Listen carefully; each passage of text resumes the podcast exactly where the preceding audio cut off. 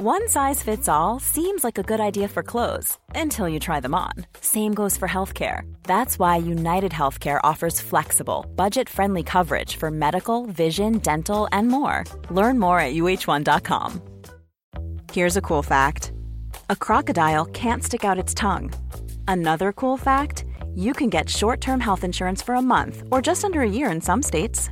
United Healthcare short term insurance plans are designed for people who are between jobs, coming off their parents' plan, or turning a side hustle into a full time gig. Underwritten by Golden Rule Insurance Company, they offer flexible, budget friendly coverage with access to a nationwide network of doctors and hospitals. Get more cool facts about United Healthcare short term plans at uh1.com. Det här avsnittet är sponsrat av Prime Crime, appen med tusentals svenska rättegångar. Dessutom läggs minst tio nya rättegångar till varje vecka året runt. En rättegång som berörde mig det är taximordet i Enköping. En 26-årig taxichaufför som luras ut till ett naturreservat och eh, blev hängd i ett träd. Och det är fem ungdomar som döms. En 16-årig flicka och fyra unga bröder. En rättegång jag tyckte var väldigt fascinerande var föräldrar tvingade sin dotter att dricka ättika. Så otroligt galet. Prime Crime erbjuder även en tre dagars gratis provperiod. Och skulle du välja att bli prenumerant så erbjuder de antingen månadsbetalning för 99 kronor i månaden eller ett reducerat pris på två månader vid årsbetalning. Du kan avsluta när du vill. Tack Prime Crime. Tack så mycket Prime Crime.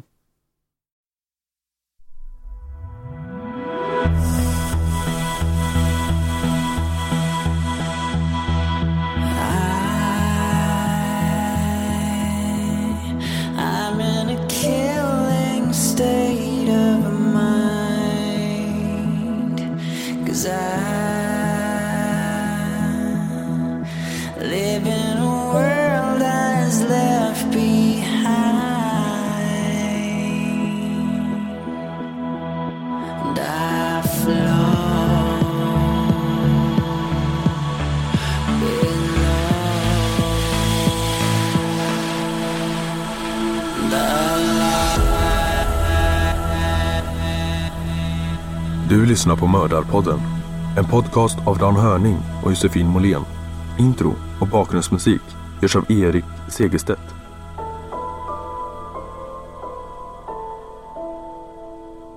Välkommen till Mördarpodden och avsnitt sju av Frunkremers-serien. Oh ja, Mhm. Vi har nu suttit här i ganska många timmar, men min trötthet kan inte överta min otroliga nyfikenhet. jag vill varna redan nu för att det här kommer bli ett långt avsnitt.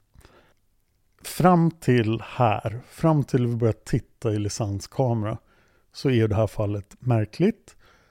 Och mobiltrafiken var märklig.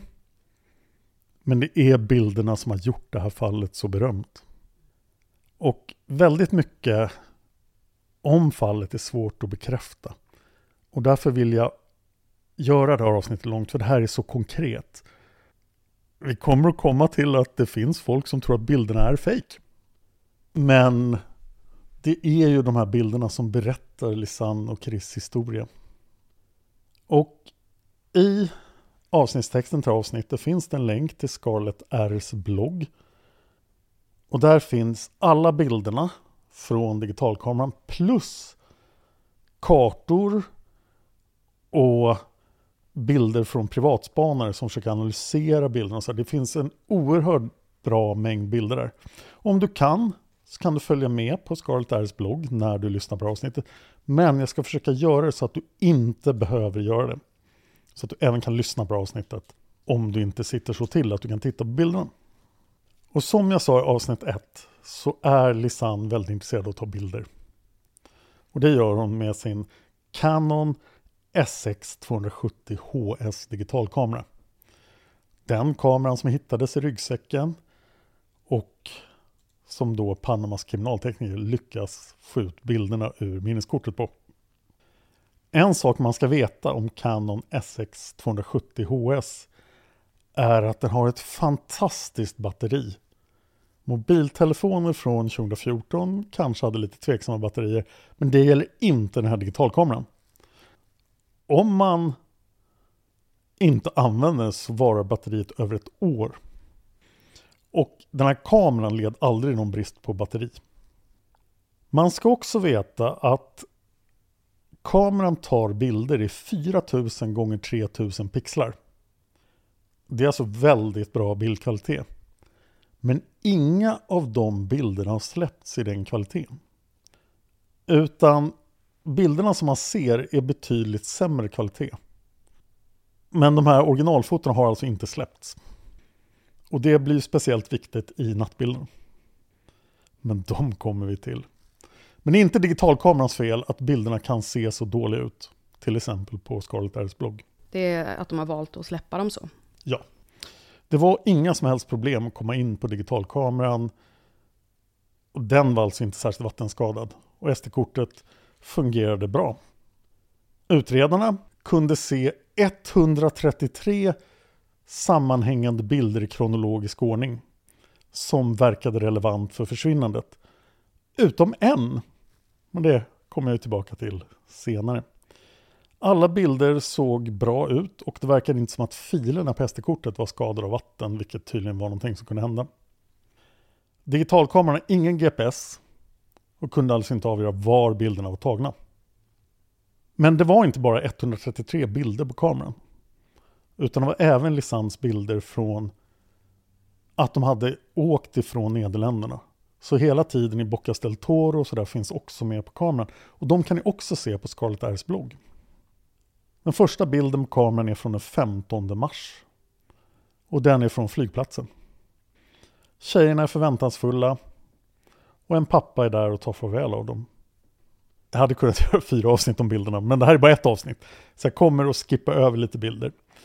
Till exempel ett stort antal bilder från Bocas del Toro som är väldigt trevliga. Man ser Chris och Lisanne bada, de håller i sjöstjärnor, allting ser underbart. De är ute och festar. De äter god mat, de hänger med två nederländska killar som finns med på bilderna.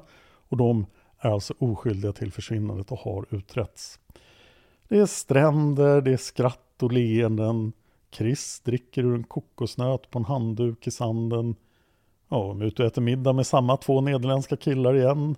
De äter lunch på en strandbar. Mycket strand, grillfest på en restaurang. Och volleyboll på stranden på kvällen måste Lisanne ha gillat. Jag bläddrar ju samtidigt här i bilderna på hennes blogg. Man blir väldigt berörd. Det första jag reagerade på när jag såg Bocastor-bilderna var de här två nederländska killarna. Jag har deras namn här. Men jag ska nog inte outa dem, de är ju faktiskt utredda och oskyldiga. De heter Bas och Edvin. Sen tar sig ju Chris och Lisanne till Bukete som vi berättade i avsnitt 1. Och eh, där tar de också bilder. Alltså den 29-31 mars. Man kan se Miriams kök. Eh, man kan se en restaurang när de är ute och äter. De går runt i Bukete. Chris lipar in i kameran och försöker vara lite rolig. Och jag tycker verkligen ni ska gå in och titta på de här bilderna. Men sen kommer då de 133 viktiga bilderna. Det är 33 bilder från tisdagen den 1 april 2014, dagen då Chris och Lisanne försvann. Det är dessutom nio bilder från den dagen som är tagna med mobiltelefonerna. Av de 33 bilderna från den 1 april har bara 23 offentliggjorts. Men det är många människor som har sett de andra 10 bilderna och de ska inte innehålla någon relevant information annat än det vi ser på de 23 som offentliggjorts. Alla 33 bilderna togs i åtta olika sekvenser, alltså grupper, ungefär samtidigt. Det är två till tio bilder i varje grupp och de verkar visa alltså samma situation. Så bilderna som saknas, de tio, de ingår i de här grupperna och antas då föreställa ungefär samma saker. Digitalkameran numrerar sina bilder och den första bilden som är tagen den 1 april 2014 är bild nummer 476. Den sista bilden från den 1 april, bild nummer 508. En av personerna som har sett de andra bilderna säger också att det finns en bild tagen innan bild 476. Och den föreställer början av pianisten. Den var tagen 11.08. Enligt den omräknade tiden på digitalkameran. För digitalkamerans tid är ganska knasig. Så här kunde man ju tro att en viktig detalj till när allting händer kommer från digitalkameran. Men digitalkameran är felinställd. Men det borde man kunna se på solen och lite sånt då, eh, alltså i bilderna. Nej, det kan man inte. Det har sagts att man kan det, men kom ihåg att Panama ligger vid ekvatorn. Så solen är nästan alltid rakt ovanför dig i princip. Det är inte som i Sverige att man kan se, man, det finns skuggor på vissa av bilderna. Ja. Men det är väldigt, väldigt svårt att avgöra saker på grund av skuggor vid ekvatorn.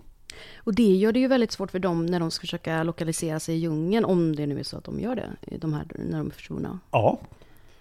Dessutom så har Panama-polisen sagt att de har räknat om tiderna i kameran till riktiga tider baserat på ett armbandsur som Chris eller Lisanne har. Men det här armbandsuret går inte att se på någon av bilderna som har publicerats. De har höftat. Alla bilderna är tagna 2013 enligt digitalkameran. Det verkar som att ingen någonsin har ställt klockan, alltså tiden på dagen eller året på digitalkameran. Däremot verkar datumet stämma. Fast på något sätt kan jag ändå tycka att det, det finns ju, det skulle kunna gå om, ehm, ja, men jag, jag tänker att om de har till exempel en bil när de åker flyget, eller en bild när de, eh, från eh, digitalkameran när de åker flygplanet, då vet de ju när lyfter det. Eh, alltså att man kan liksom nästan kartlägga och, och Ja. ungefärligt, alltså att man ändå kan få en, Alltså flygplanet är ju faktiskt ganska bra. eller att man, eh, man vet för att, Eller Miriam visste väl när bilderna togs hemma hos henne kanske. ja, eh, ja alltså sådana här, Ja, de äter lunch, borde ju vara vid lunchtid. ja, Digitalkamerans klocka verkar vara ställd på London-tid. Och det beror på att kameran är tillverkad så. Att den ska ha London-tid per default. Så Lisanne verkar ansträngt sig för att ställa in datum, men ingenting annat. Däremot verkar minuterna vara korrekta. men året är ju inte, alltså Nej, så datum, timmen och året är fel. ja. Kameran är alltså inte inställd på nederländsk tid, vilket man ju skulle kunna förstå. Utan det är London-tid. Hiring for your small business? If you're not looking for professionals on LinkedIn, you're looking in the wrong place. That's like looking for your car keys in a fish tank. LinkedIn helps you hire professionals you can't find anywhere else, even those who aren't actively searching for a new job but might be open to the perfect role. In a given month, over 70% of LinkedIn users don't even visit other leading job sites. So start looking in the right place. With LinkedIn, you can hire professionals like a professional. Post your free job on linkedin.com/people slash people today. Quality sleep is essential. That's why the Sleep Number Smart Bed is designed for your ever evolving sleep needs. Need a bed that's firmer or softer on either side? Helps you sleep at a comfortable temperature? Sleep Number Smart Beds let you individualize your comfort so you sleep better together. JD Power ranks Sleep Number number 1 in customer satisfaction with mattresses purchased in-store. And now, save 50% on the Sleep Number limited edition Smart Bed for a limited time. For JD Power 2023 award information, visit jdpower.com/awards. Only at a Sleep Number store or sleepnumber.com. Life is full of awesome what ifs, and some not so much, like unexpected medical costs. That's why United Healthcare provides Health Protector Guard fixed indemnity insurance plans to supplement your primary plan and help manage out of pocket costs. Learn more at uh1.com. Men som sagt, det här armbandsuret som ska kalibrera tiden, det har ingen sett. Som jag känner till. Utan det är någonting som Panama-polisen säger. Och nederländska polisen. Så vi får anta att det stämmer. Dessutom stämmer ju de här omräknade tiderna att den första bilden, 476 är tagen 11.08, stämmer ju bra med när de tappar uppkopplingen med mobilmasten. Så därför anses den här tidslinjen vara korrekt trots att den motsägs av alltså samtliga vittnen i buketten. Och det visar ju bara på hur mycket vittnen, alltså att det är problematiskt. Ja, fast de här 33 bilderna från den 1 april, de skulle fortfarande kunna gått ner igen. De skulle ha hunnit ner och vissa vittnesmål, två vittnesmål specifikt, säger att de kom ner från pianista. Och det skulle fortfarande fungera med de här tiderna. Men det rimmar ju dåligt med larmsamtalen. Ja, precis att uh, täckningen försvinner där. Och... Man ser Chris och Lisanne ta sig upp för pianista. De tar bilder, de ser glada ut. Det här är roligt. Och vädret är fantastiskt den 1 april. Och lokalbor som har tittat på de här bilderna har noterat att det var otroligt torrt precis innan regnperioden. Vilket ju innebär att det är jättetrevligt. För så torrt blir det inte i Panama att det blir otrevligt. Det är absolut inget regn. Och på bild 491 kan man se att Chris har två vattenflaskor. Mhm. Så det verkar ha varit två vattenflaskor. Mm. På bild 494 är den sista bilden innan de kommer upp till Mirador. Och uppe på utsiktsplatsen, vid slutet av Pianista, där börjar det ta selfies. Och det här är då runt klockan 13 den 1 april 2014. Och det här beskrev vi ju i avsnitt 3. Hur glada de ser ut här uppe på utsiktsplatsen. Det här var ju deras mål för dagen. Mm. Och det är jättemånga som ser konspirationer i de här bilderna från utsiktsplatsen. Men jag har svårt att se det. Jag har också jättesvårt att se det. Att molntäcket skulle vara annorlunda på de olika bilderna. Och att de är tagna extremt snabbt. I väldigt snabb följd. Eh, speciellt bild 499 anses vara photoshoppad. Men det ska jag prata lite om i spekulationsavsnittet, alltså i sista avsnittet. I och för sig så kan jag eh, se här att om man tittar på eh, bild 499 och bild 500 så är det ju väldigt annorlunda med molnen. Men jag antar att det är åt olika håll. Ja, jag antar att det är ett ordval, man kan nästan se det där. Ja, Att det är så här, ena sidan har moln, andra sidan har inte moln. precis. Och det är frågan om, om det är med kameran eller om det är... Ja, är det med Jag kameran. läste så sent som i morse, om det var 500, att så här, är uppenbart photoshoppad in i den här bilden. Men jag kan inte se det. Nej. Det finns nio bilder tagna med mobiltelefonerna. Alla är tagna på Mirador, vid utsiktsplatsen. De har inte offentliggjorts, men folk som har sett dem har beskrivit dem. De är i princip bilder i samma stil. Men det finns en underlig lucka. 13.14 tas en bild på Mirador. Sex minuter efter det sista fotot från digitalkameran. Vi vet inte vad Chris Ursan gjorde under de här sex minuterna. Men sen tas det då åtta bilder med digitalkamerorna i snabb följd. Men inte dagtid, eller? Ja, nej vad säger jag? Sen tas det åtta bilder med mobiltelefonen. Mm. Det är iPhonen först och sen är det Samsungen. Och iPhonen registrerar inte sekunder, men den tar tre bilder 13-14. Samsungen tar sex bilder, så det är nio bilder totalt, under en minut. På mindre än en minut. Och klockan 13.38 förlorar de uppkopplingen då. Alltså 23 minuter efter sista bilden på iPhone. Så det är en sex minuters paus på Mirador. Sen tar de fram mobilerna, tar en massa bilder med dem och sen går de ner på fel sida. Mm. Bild 505 till 508 är tagna på fel sida om Mirador. Och här tycker jag att det är väldigt tydligt att Chris inte ser lika glad ut längre. Mm. Och det är bara Chris på bilderna. Man får anta att det är Lisanne som har tagit bilderna. Mm. Men det är inte alls säkert. På bild 505 tagen 1320 är Chris böjd på ett speciellt sätt. Hon har en hand framför ögonen för att skydda henne från solen och titta bakåt. Och det ser ut som att de sticker ut sin tunga. Den här bilden tycker jag ser ganska underlig ut. Ja, det är väl den som man liksom har spekulerat mest kring. Ja.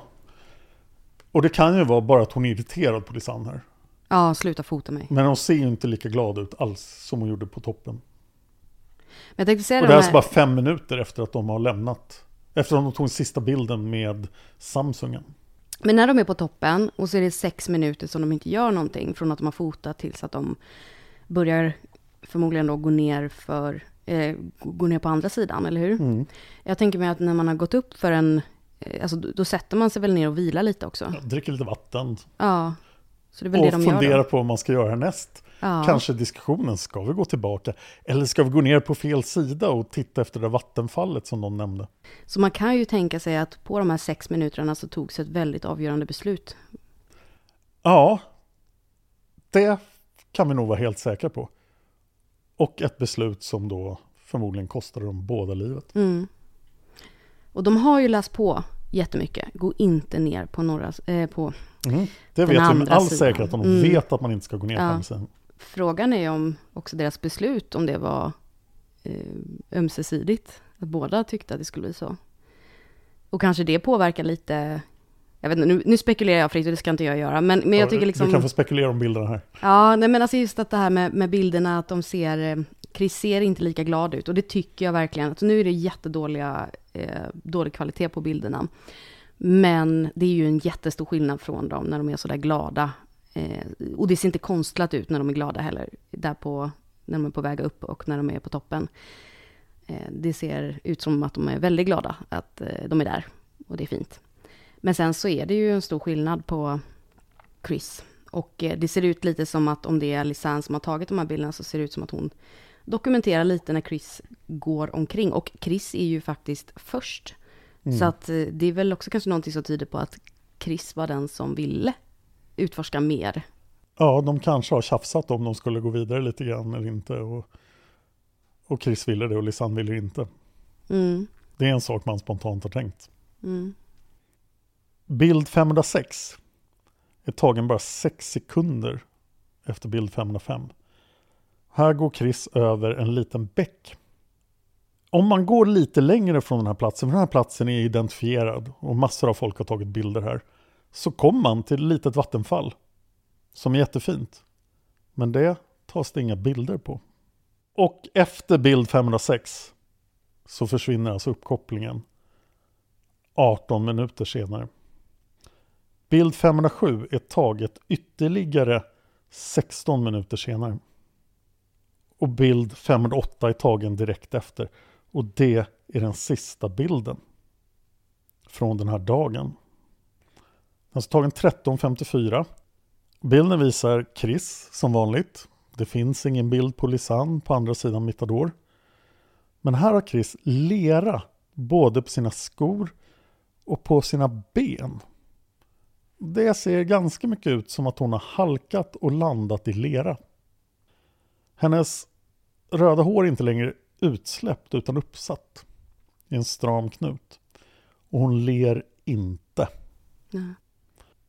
Och det här är den sista bilden från den första april. Det är alltså bild 508. Och sen finns det inga bilder tagna med digitalkameran på en vecka.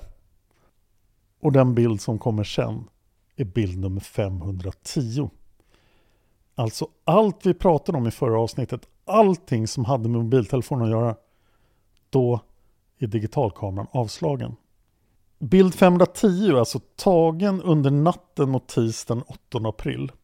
Och den natten tas det 100 bilder. De berömda nattbilderna. Men vi ska inte prata om dem än, för vi måste stanna vid att det saknas en bild. Det fanns bild 508 och det fanns bild 510. Men precis i gränslandet mellan allting är någorlunda okej, vi är ute på vår dagsutflykt, till mardrömmen som är nattbilderna. Där saknas det en bild. Och det är ett jättemysterium i det här mysteriet. Vad hände med bild 509? Det är 510. Nej, 509, Nej, förlåt. 509. Mm. 510 har vi. Mm. Det är den första av de hundra mystiska nattbilderna. Och jag måste bara fråga, när, ehm, ska vi se här, 13.54 ehm, togs bild 508. Ja, Eh, och larmsamtalet ringdes in det första 16 och... över tre timmar senare. Ja, 16.39 ringdes Mm. första sam, eh, samtalet till eh, larmcentralen. Ja. Och har man kunnat lokalisera vart någonstans i djungeln som de befinner sig på bild 508? Alla bilderna från första april vet vi exakt var de är tagna. Och eh, på Scarlet Airs blogg finns det folk då som besöker de här platserna och visar att det är de platserna. Och även alla vinklarna från Mirador. Mm. Och då Eller är, Mitador. är det... Nu får du säga till mig om jag upprepar någonting som så. Det kan vara värt att göra. Eh, nej, men jag tänkte bara, är det, är det en svår stig från 508, alltså bilden 508? Nej, det är jättelätt att gå vidare. Okej, Och eh, det är väldigt trevligt, det finns folk där. Och eh, stigen som fortsätter till Alto Romero blir mycket obehagligare senare. okej. Bland annat kommer det upp så stora lerväggar vid sidan som man går som i en ravin. Mm. Men det händer inte på den här lilla tiden som är till bild 508. Så hittills så skulle de kunna vända utan problem och gå tillbaka? Ja, Mm. de skulle kunna vända vid bild 508, gå tillbaka till buketet, bli sedda av de där två vittnena och sen gå ut och festa. Mm. Men då skulle de inte ringa ett larmsamtal från ett ställe där de inte har någon täckning. Nej. Det är så konstigt också att det har fotats kontinuerligt fram tills detta. Eh, vilket i och för sig, alltså om, om det blir något fel med kamerans minneskort där, så kanske det är anledningen till att de slutar att fota med kameran. Att Lisanne tänker, jaha, okej, ja men nu är det nog eh, dags att sluta fota, för nu verkar den ha, nu kan inte jag kolla på den här bilden som jag tog nyss. Bild 509 skulle också kunna varit ett eget avsnitt. Och det råder lite delade meningar om den här bilden kan ha raderats av misstag eller på grund av tekniskt fel. Men konsensus bland insatta människor verkar vara att den här bilden är raderad avsiktligt med en dator. Skulle man försökt radera den på digitalkameran då skulle det ha lämnat spår som IT-teknikerna skulle ha upptäckt. Och man skulle kunna få fram den raderade bilden, vad jag har hört i alla fall, att man kan få fram en bild som har raderats. Ja. Men däremot om man tagit in till en dator, raderats och skrivits över, så går det inte att få fram på samma sätt. Exakt. Och skulle bilden ha raderats innan bild 510 togs, då skulle bild 510 ha hetat bild 509. Så att den måste ha raderats efter bild 510 togs. Ja, okej, ja. Men det verkar i princip bevisa att den här bilden är borttagen. Och om vi inte tror att det här är ett brott som har hänt så skulle det kunna vara Panama-polisen som har gjort det här. För när man tittar närmare på digitalkameran upptäcker man massor av andra konstigheter på den. När man tar bilder med sån här digitalkamera så blir det ju thumbnails. Så här tumnagelfiler. Små bilder av varje bild. Men alla thumbnails på digitalkameran är borta. finns inte en enda thumbnail på digitalkameran. Så det är inte bara bild 509. Okej, så att, jaha. Dessutom är flera av nattbilderna photoshoppade. Och det här var en process att bevisa med hjälp av någonting som heter EXIF-data. Men polisen i Panama har erkänt att de har photoshoppat nattbilderna. Flera av nattbilderna i syfte att göra dem ljusare och bättre. Jaha. Men när de gjorde det så verkar de också ha tagit bort alla thumbnails ifall det var de som gjorde det. Men de har inte erkänt att de har gjort någonting med bild 509. Men, men, men alltså, de har väl i så fall kopierat bilderna och ljusat upp dem? Nej! Nej men vad De fan! har ändrat originalfilen. Och jag hittar inte på det här. Alltså ärligt talat, jag tror inte de skulle kunna lyckas photoshoppa någonting. Det hade inte blivit eh, bra om Panamapolisen hade gjort det.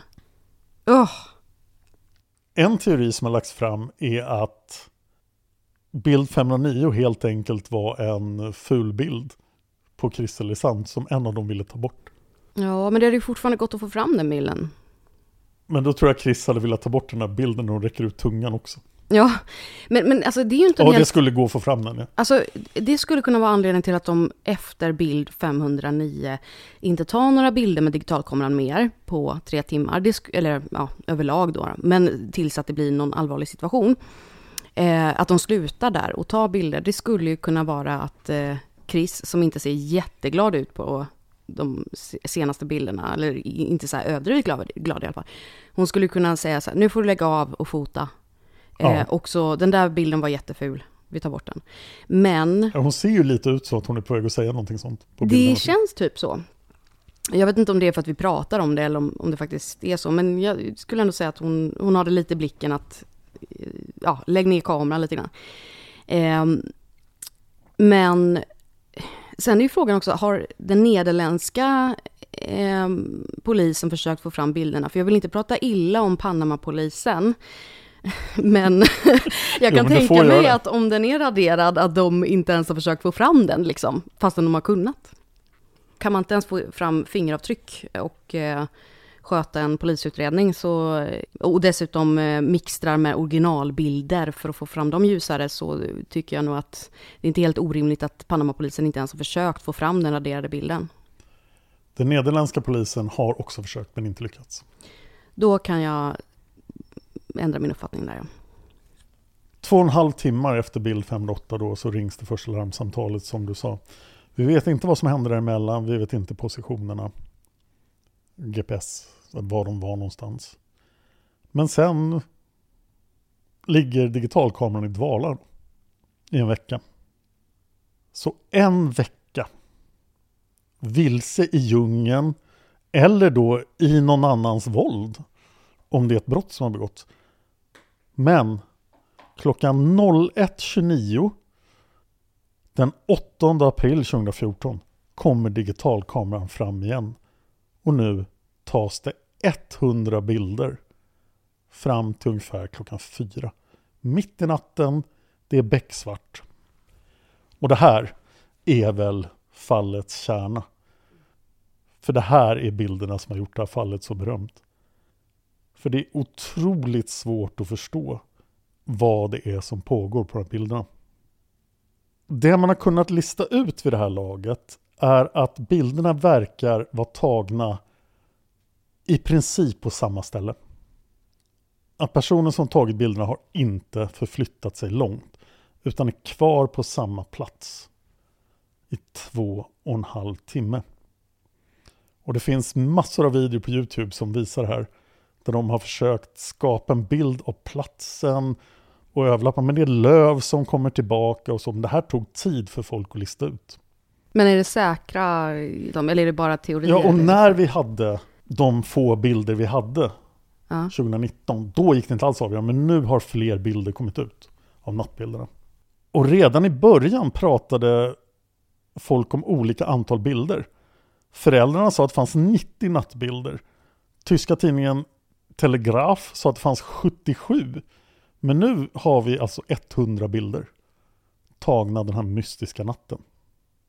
Från bild 510 som alltså togs 01.21 mitt i den mörka djungeln så tas bilderna väldigt fort först. Ibland tas så många som sju bilder under en minut. Ibland är det 10 sekunder mellan bilderna och väldigt regelbundet 10 sekunder. Och ibland är det en bild per minut. De flesta bilderna tas mellan 01.29 och 02.00 och sen går frekvensen ner. Den sista bilden tas 04.10. Vi vet inte vilken plats bilderna är tagna på och det är en helig graal i det här fallet. Om någon kan hitta den här platsen men ingen har hittat den. Din favoritåklagare Betsaida Pitti Pitti har bestämt att den här platsen där nattbilden är tagna är i närheten av den andra repbron över Ormfloden. Men det har motbevisats gång på gång Vi är nu 100% säkra på att bilderna inte är tagna där. Folk har kampat vid den här bron, försökt hitta rätt stenar och försökt återskapa nattbilderna. Men det går inte. Betsaida Pitti sa att bild 350 föreställer repron, att den finns med på bilden, men det gör den inte. Och det vet vi nu med all säkerhet att den inte gör. Alltså sa hon att eh, 550 var... Ja, jag, jag kommer tillbaka till det när vi kommer till 550 snart. Det verkar som att personen som har tagit bilderna inte står upp. Utan det verkar som att personen sitter ner eller ligger ner eller till och med ligger på sidan och fotar snett uppåt ibland. Man kan se samma träd och samma löv i flera olika bilder. Och ganska ofta riktas kameran mot himlen och träden ovanför. En teori som fanns förut var att man använde blixten för att kunna gå på natten när de här bilderna togs. Mm. Och blixten kanske fortfarande inte är oskyldig. Men personen har alltså inte förflyttat sig som tar bilderna. Det är som sagt huvudsakligen taget på samma plats. Det pratades mycket förut om att det fanns en kropp, kanske Chris kropp, som låg ner i en ravin. Men det har bevisats vara ett löv. Och det ser man nu när det har släppts mera bilder. Mm. Att det är ett löv. Dessutom är det droppar, vattendroppar i luften. Och blixten reflekteras på de här vattendropparna. Om det hade varit regn så borde regnet hamna på linsen. Men det är inte vattendroppar på linsen. I alla fall inte till den grad att det skulle ha regnat. Utan det verkar som att det finns någonting i närheten som får upp vattendroppar i luften. Kanske ett vattenfall. Ja, men är det det då som, eh, som är de här fläckarna på linsen? Är det det du menar? Ja. Men oj, för jag trodde att det var... Ja, Det är vattendroppar i luften. Ja. Men, eh, och du är säker på att det inte är regn då? Nej, men om det hade varit regn så borde det ha varit mer regn på linsen. Så är det alltså någon som tar alla de här bilderna sittandes eller liggande i djungeln och man får ju intrycket av att de är långt ner jämfört med terrängen i övrigt. Och det här är alltså tillfället när någon kommer ihåg att den här digitalkameran finns och börjar ta 100 bilder. Och vi har ingen aning om vem som har tagit bilderna. För den personen verkar ganska noggrann med att inte ta bilder på sig själv. Vi ser ingen hand, vi ser ingen fot, vi ser ingen del av fotografen. Eller? Eller? Eller? Bild 511 är väldigt tydligt tagen sittandes, riktad snett bakåt, rakt uppåt. Alltså från någon som ligger på sidan. Och bild 511 är ganska lik bild 609, alltså den sista bilden som togs nästan tre timmar senare. Det är svårt att hitta en logik i nattbilderna. De känns ganska slumpmässiga. Jag reagerade väldigt starkt på bild 541. Mm. Har du den framför dig Josefin? Ja, jag har den framför mig exakt just nu. Här ser jag någonting som jag tycker ser väldigt mycket ut som Lisans kind. Mm. Och det finns det studier av på Scarlett Airs blogg. Så det skulle kunna vara Lisans kind när de tittar ut i mörkret. Men det är otydligt. Det är någonting som ser ut som en bit av en människa som kommit i blixten framför kameran. Nej, men jag tror att det är... Det Ser skulle- du här att det är ögat är där? Så att det är pannan. Så att det här är liksom babyhår, om man säger så. Och så är det här panna, öga här. Folk ser också ett finger med hår på. Nej. i den här bilden. Men jag ser Lisans kind, eller åtminstone ett ansikte utan skägg. Även bild 559 och 556 kan vara en bit av människa för nära kameran. Men nu måste vi prata om bild 550. På den här bilden hävdar Betsaida Pitti och utredningen att man ser den andra repbron över Ormfloden. Kvaliteten på bilden är ganska dålig eftersom det är så mörkt. Men officiella teorin än idag är att det här är repbron. Den andra repbron över Ormfloden. Och många har tagit sig till den andra repbron och ormfloden. Repbroarna har förresten uppdaterats nu så att de inte är lika livsfarliga som de var 2014. Men blixten på den här digitalkameran når bara 3,5 meter. Och ormfloden är ungefär 20 meter bred. Och man kan se andra sidan på bilden. Mm. Så det kan alltså inte vara ormfloden vid den andra repbron. Podden Lost in Panama då åkte hit, satt hela natten vid den andra repbron och ormfloden och försökte avgöra det.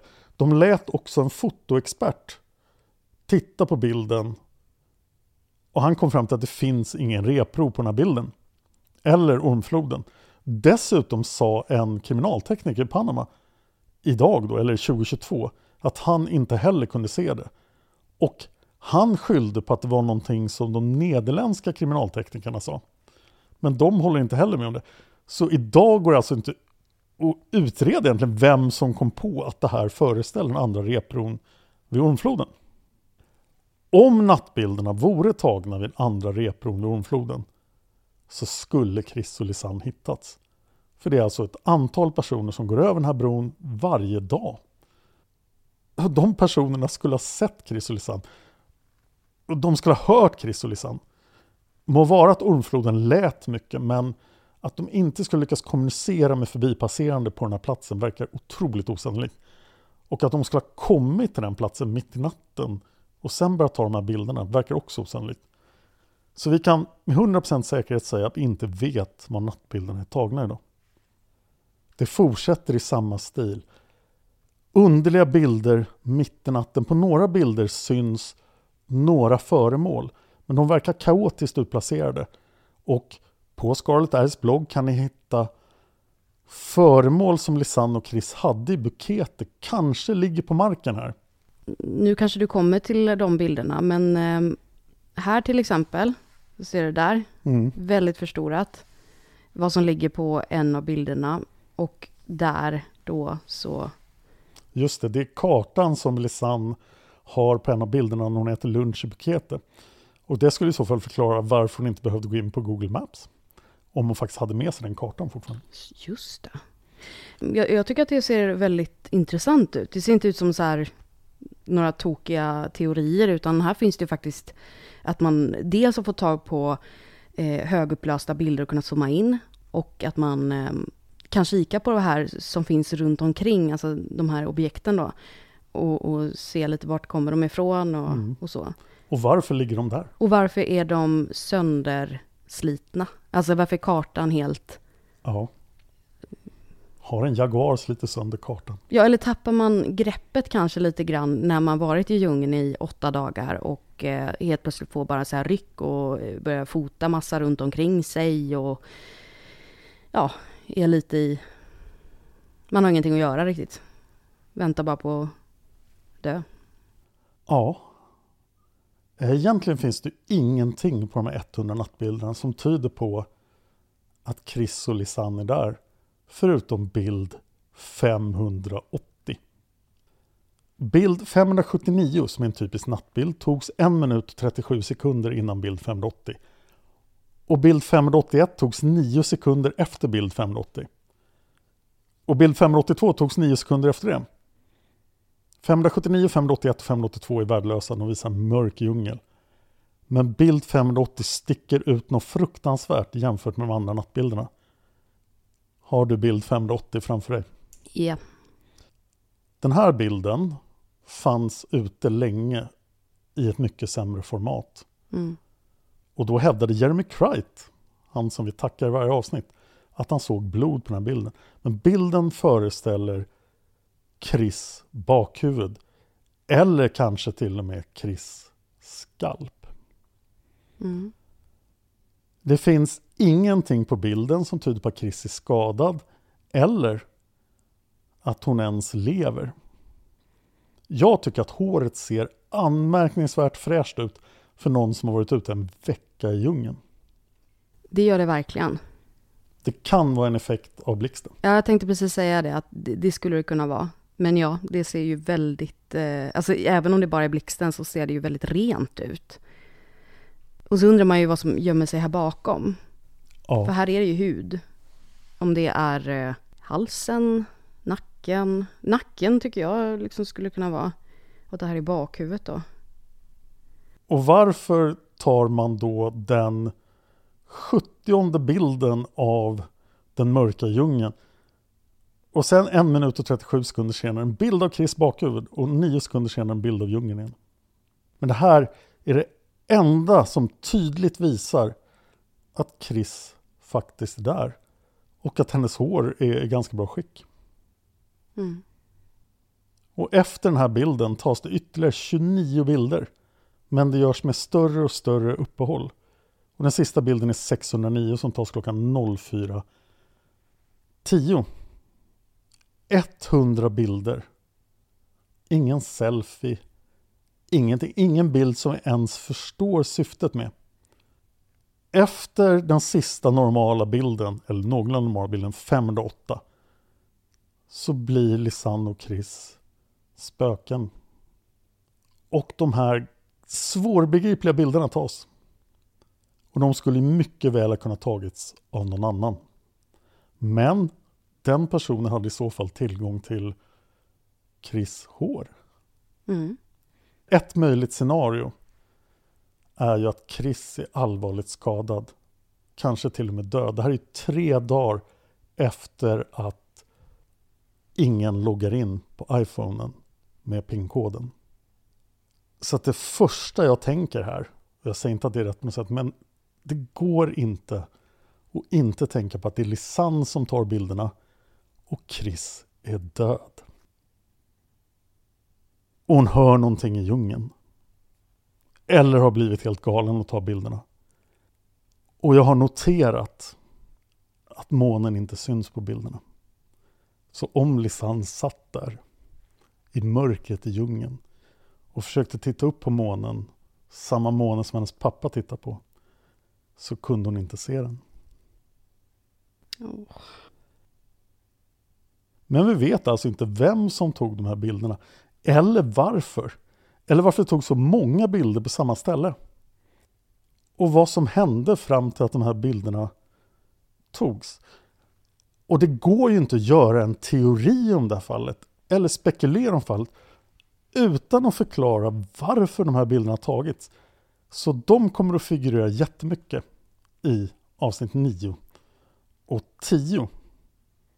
Jag ska försöka hålla mig till fakta här och inte spekulera och tänka för mycket på vad som kan ha hänt. Mm. Men det finns en väldigt tråkig teori om nattbilderna. Det går att använda den här digitalkameran som en ficklampa. Man kan alltså slå på blixten bara för att få en ficklampeffekt. Alltså, så att den är igång hela tiden eller? Jaha. Eller åtminstone under en period. Men om man har igång den för länge så tar den bilder. Jaså? Mm. Men då borde den ju ta bilder med en kontinuerlighet istället för väldigt Ja, slumpmässigt. det bilderna är ju mystiskt regelbundna ibland.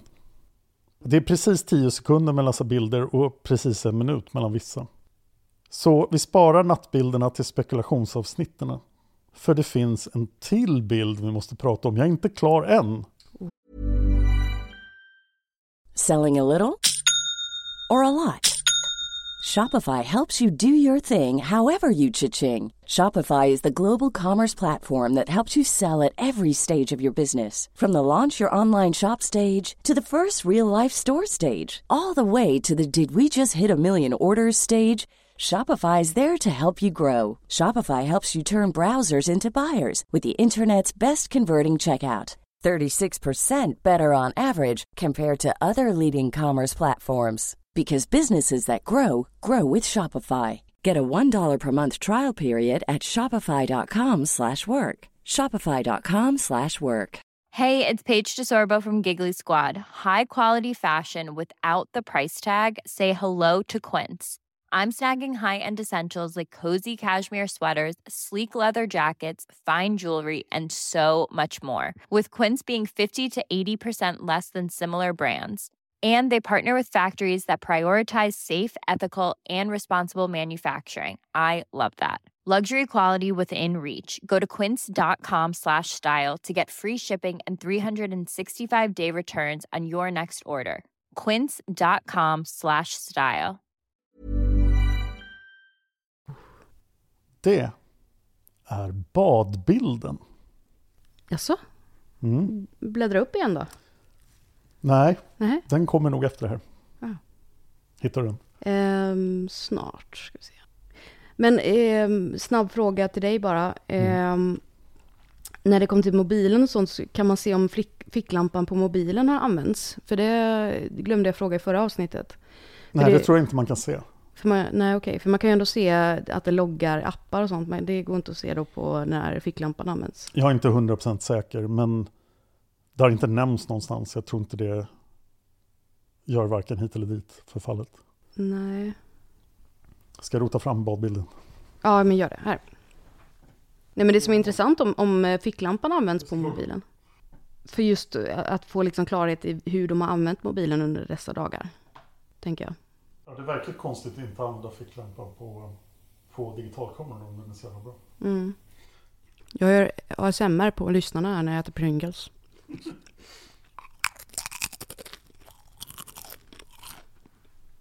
Den här bilden, känd då som badbilden eller Hot Springs Picture, är tagen vid de varma källorna vid kalderan. Bilden föreställer två män och två kvinnor som badar i en varm källa. Vi ser på männen att det är ganska grunt där de står. Men kvinnorna sitter ner. Möjligtvis för att de är topless. Det är en stor debatt på nätet om det här är Chris och Lisanne. Bilden är ganska dålig kvalitet, den är tagen med en annan mobiltelefon. Vi vet inte vem som har tagit bilden. Men den här bilden måste ni nog se själva. Och kvinnorna har ju likheter med Chris och Lisanne, helt klart. Vad tycker du? Ehm, alltså har den släppts i något bättre Nej. kvalitet? Nej, det, Det är så där här. i bilden så finns det en jättedålig mobilkamera. Ja, alltså, Och mobilkameran tillhör en av männen. För de är identifierade. Ja men när du sa, alltså när jag utgick från att det var Chris och Lisanne så eh, tvekar jag ju inte på det. Utan Nej. jag såg ju vem som var vem på bilden, även om bilden är ohyggligt dålig. Sen vet jag inte det här med topless, jag menar om det är en varm källa så är det klart att jag hade satt mig ner för att jag vill ha den, alltså om det är varmt i vattnet, Ja. eh, då vill jag ju sätta mig ner. Men eh, det går ju definitivt inte att identifiera dem. Det skulle kunna vara två helt andra. Nej, det blir en öppen fråga om man tror att det här är Lisanne. Vi vet inte heller när bilden är tagen. Det finns vittnen som såg Lisanne vid den här varma källan. Antingen den 30 mars eller den 31 mars. Det finns ingenting i Chris och Lisannes bilder eller dagböcker som tyder på att de har varit här. Men som jag sa, männen är identifierade på bilden. Och bilden kommer från en av deras mobiltelefoner.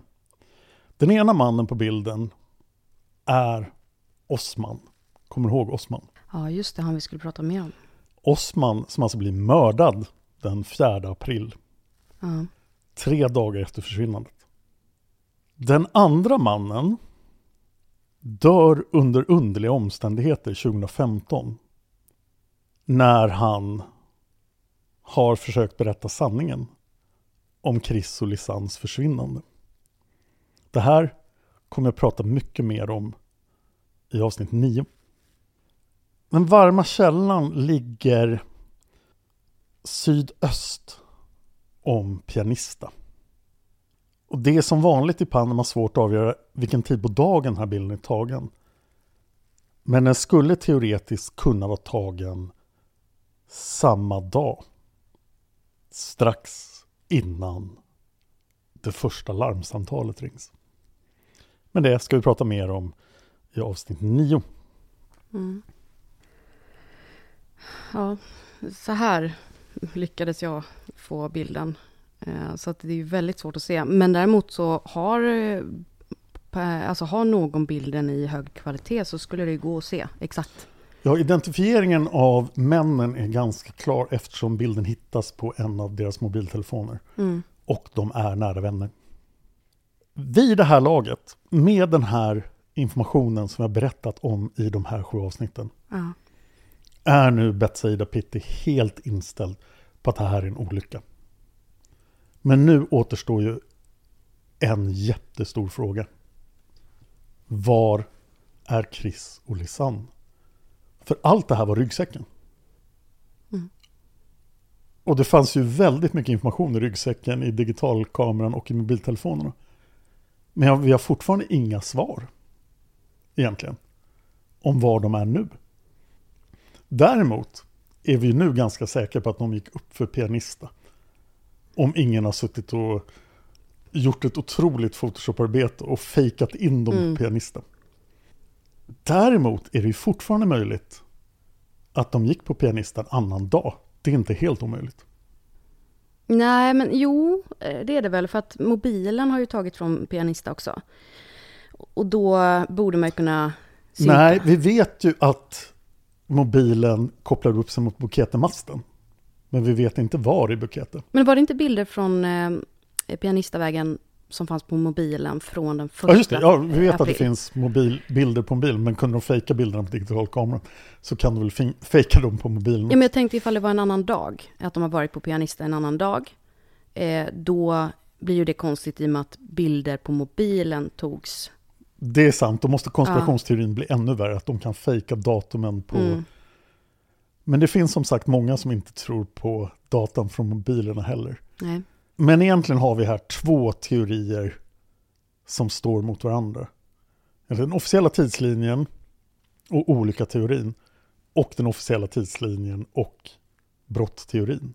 Mm. Men det ska vi prata mer om i avsnitt 10. Och all, allt det här med de andra tiderna och dagarna som uppges måste förbli spekulationer.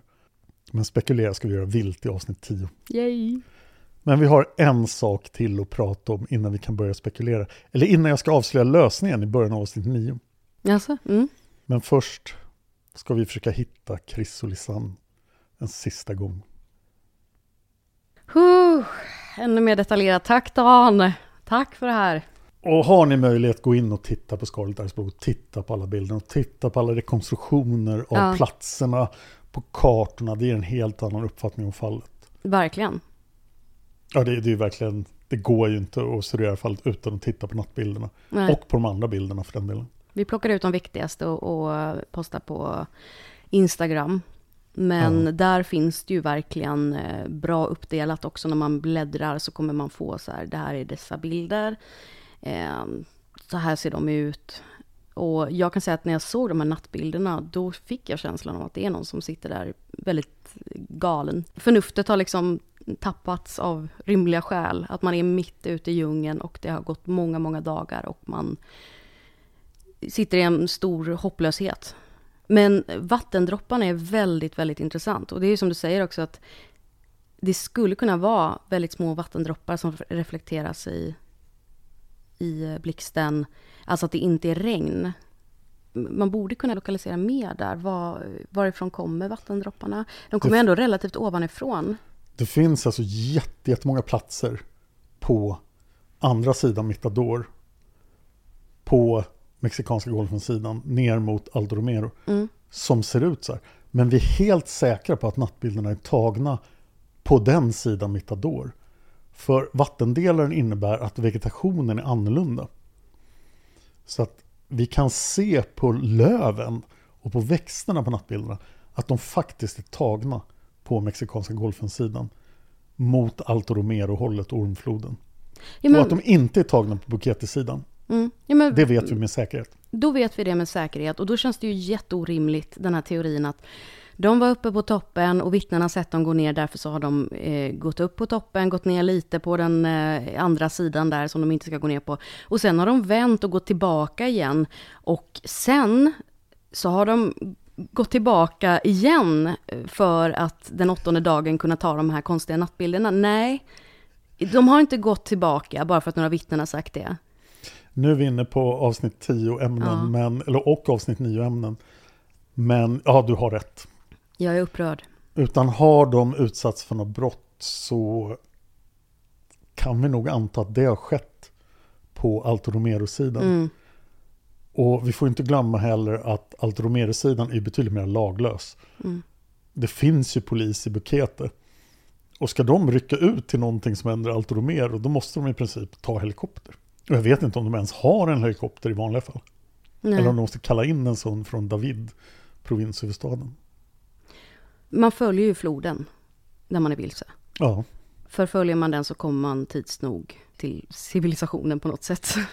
ja det är ju en vanlig tanke. Ja, Det är en sak man lär sig som en överlevnadsgrej. ja, Men ormfloden leder inte till civilisationen. Ormfloden leder in till Atlantdjungeln. Och det är jättelångt innan man kommer till civilisationen i Bocas del Toro. ja. För det är den provinsen på andra sidan Mitterrand. Så att om de har följt floden för att komma till civilisationen, då kan det mycket väl ha dödat dem. Borde de gått åt andra hållet då? Alltså följt floden åt andra Att hållet? de borde ha gått tillbaka ner på Bukete-sidan. Ja, det borde de Men definitivt gjort. ormfloden leder inte till något bra ställe. Nej, men jag tänker om de istället för att eh, gå med floden, om de går åt andra håll, vad händer då? då? Ja, då hade de bara kommit upp i djungeln på Mexikanska golfens sidan och där är det också jättehemskt. Okej, ja, Men däremot, om de var vilse så borde de kunna se vulkanen och kunna se, mm. gå över kanten och komma ner på Bukete-sidan igen. Jag måste dra en till grej om nattbilderna. Mm. Som jag inte kan låta bli att tänka på. Jag sa ju i första avsnittet att jaguarerna inte var så farliga. Mm. Men jag tänker ju på det när jag ser de här nattbilderna. att Okej, om blixten används för att skrämma bort, eller för att lysa upp någonting, så kanske den används för att skrämma bort en jaguar. Mm. En jaguar som kanske noterat att Chris är död eller allvarligt skadad. Och Lisanne försöker skrämma bort Mm. jaguaren. Men som sagt, jaguarer anfaller inte människor särskilt ofta. Och är inte en jättestor fara i det området. Däremot i nästa avsnitt ska jag prata om ett annat djur som mycket väl kan äta människokött. I den här djungeln. Mhm. Vad kan det vara? Det sparar jag till nästa avsnitt. Mm. Spännande. Ah, Shit, ja det här är så mycket tankeverksamhet. Ja, det kändes ändå som att jag snabbspolar här avsnittet jättemycket. För bilderna är så intressanta, men de gör sig inte så bra i en podd. Nej men det gör de ju inte. Nej, det kan jag förstå. Eh, Men jag tyckte ändå att det var väldigt intressant att ta del av det. Det finns massor av videor på YouTube som granskar alla nattbilderna och funderar runt dem. Mm. Och det kan vara värt att titta på. Jag tänkte nästan på Mördarpodden Ölen att om vi hade ett ställe där vi kunde kontrollera en tv Mm. så skulle vi bara ha loopat nattbilderna. och så hade folk blivit helt galna. Men folk har inte liksom fattat vad är det där för bilder om... eh, nej men det man skulle kunna göra också det är att jag eh, klipper ihop lite av vad du pratat om med bilderna och lägger upp på Instagram. Oh, ja. Och liksom lägger in rätt bild när du Mm. pratar om den bilden. För då blir det lite mer tydligare. Så att gå in på vår Instagram och passa på och lägg en liten följ på vår Instagram. Följ även Dan Hörning, sök på Dan Hörning. Och följ med j.molén. Och om du inte pallar att vänta på de tre sista avsnitten så kan du bli sponsor på Patreon. Patreon.com, sök på Mördarpodden. För där ligger redan alla tio avsnitten ute. Mm-mm. Ah, nu går vi vidare Nu går vi vidare. till, till det sista kriminaltekniska i det här fallet. Oh, spännande. Vi ses i nästa avsnitt. Bukete, Bukete, Alto Romero, Alto Romero. Ria Culebre. Det är ormfloden på spanska. Jaha, ormfloden.